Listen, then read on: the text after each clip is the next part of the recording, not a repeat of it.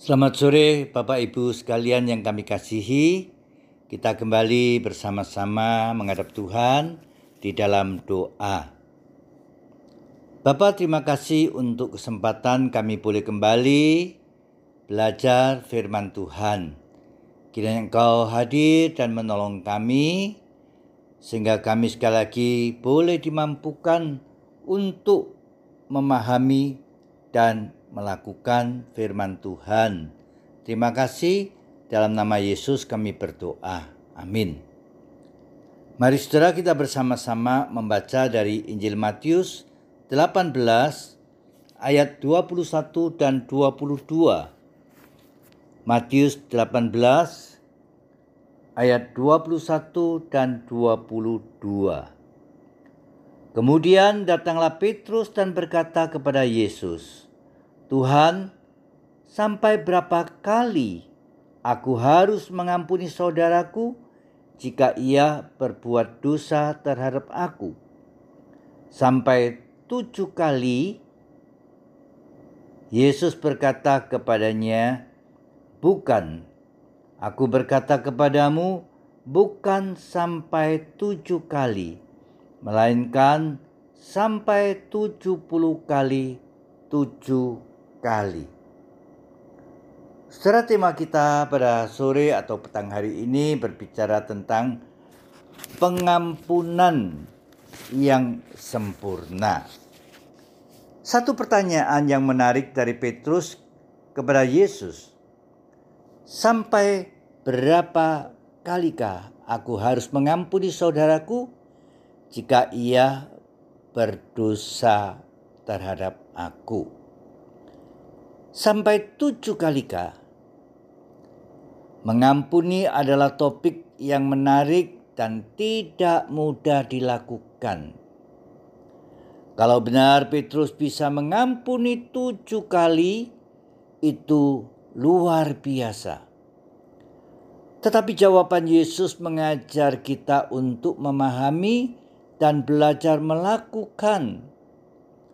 Yang pertama, Mengampuni berarti rela menyuruh pergi. Setiap kali seorang berbuat kesalahan atau berbuat dosa, dan saat ia datang minta maaf atau minta pengampunan, maka kita harus atau wajib berkata, "Pergilah dengan damai." Dalam pengertian, "Aku mengampunimu." Ini tidak semudah yang kita katakan. Kalau kesalahan atau dosa yang diperbuat itu terhadap orang yang kita cintai, tidak mudah untuk mengampuni. Tetapi saat kata-kata "pergilah dengan damai" itu bisa disampaikan dengan tulus dalam tujuan mengampuni, maka akan berdampak bagi orang itu ada damai di hati. Yang kedua, mengampuni siap untuk menghapuskan. Menghapuskan tulisan, menghapuskan hutang, menghapuskan noda, menghapus goresan berlian, menghapus luka batin, ada yang mudah, ada yang bisa dihapus. Seperti tulisan di papan tulis dengan kapur tulis. Tetapi luka atau goresan pada berlian dan luka batin tidak mudah dihapuskan atau dilupakan.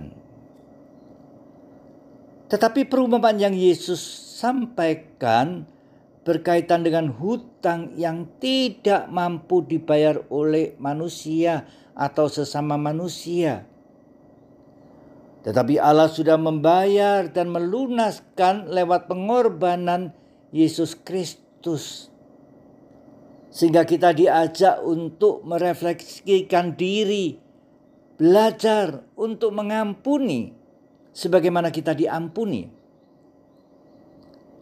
Yang ketiga, Mengampuni berarti terus-menerus.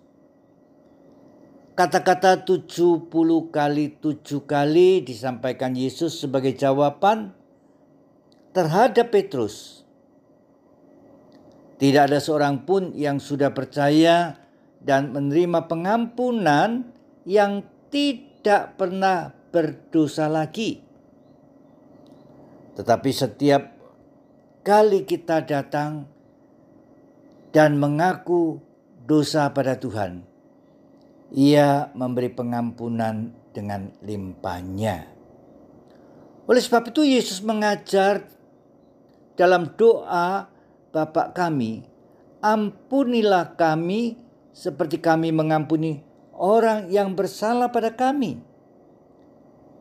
Jika kita tidak mengampuni, Bapa yang di sorga juga tidak akan mengampuni. Mari kita belajar terus dengan rendah hati untuk bisa saling mengampuni. Kiranya Tuhan menolong kita. Amin. Mari saudara kita sekali lagi bersama-sama berdoa. Bapak terima kasih Engkau kembali memberikan bagi kami satu pelajaran yang indah, sekalipun tidak mudah untuk kami bisa melakukannya, seperti Tuhan mengampuni kami. Namun demikian, kiranya Tuhan Engkau menolong kami. Kiranya Engkau melimpahkan kasih-Mu dalam hidup kami, supaya kami juga boleh mengampuni bukan sekedar orang yang bersalah kepada kami, tetapi juga orang yang menyakiti orang-orang yang kami kasihi, yang mungkin sulit untuk kami bisa melupakannya. Mampukan kami ya Tuhan untuk boleh mengasihi dan mengampuni sesama seperti Tuhan mengasihi dan mengampuni kami. Terima kasih Bapa untuk anugerahmu untuk kasihmu, untuk pengampunanmu. Di dalam nama Yesus Tuhan kami, kami berdoa. Amin.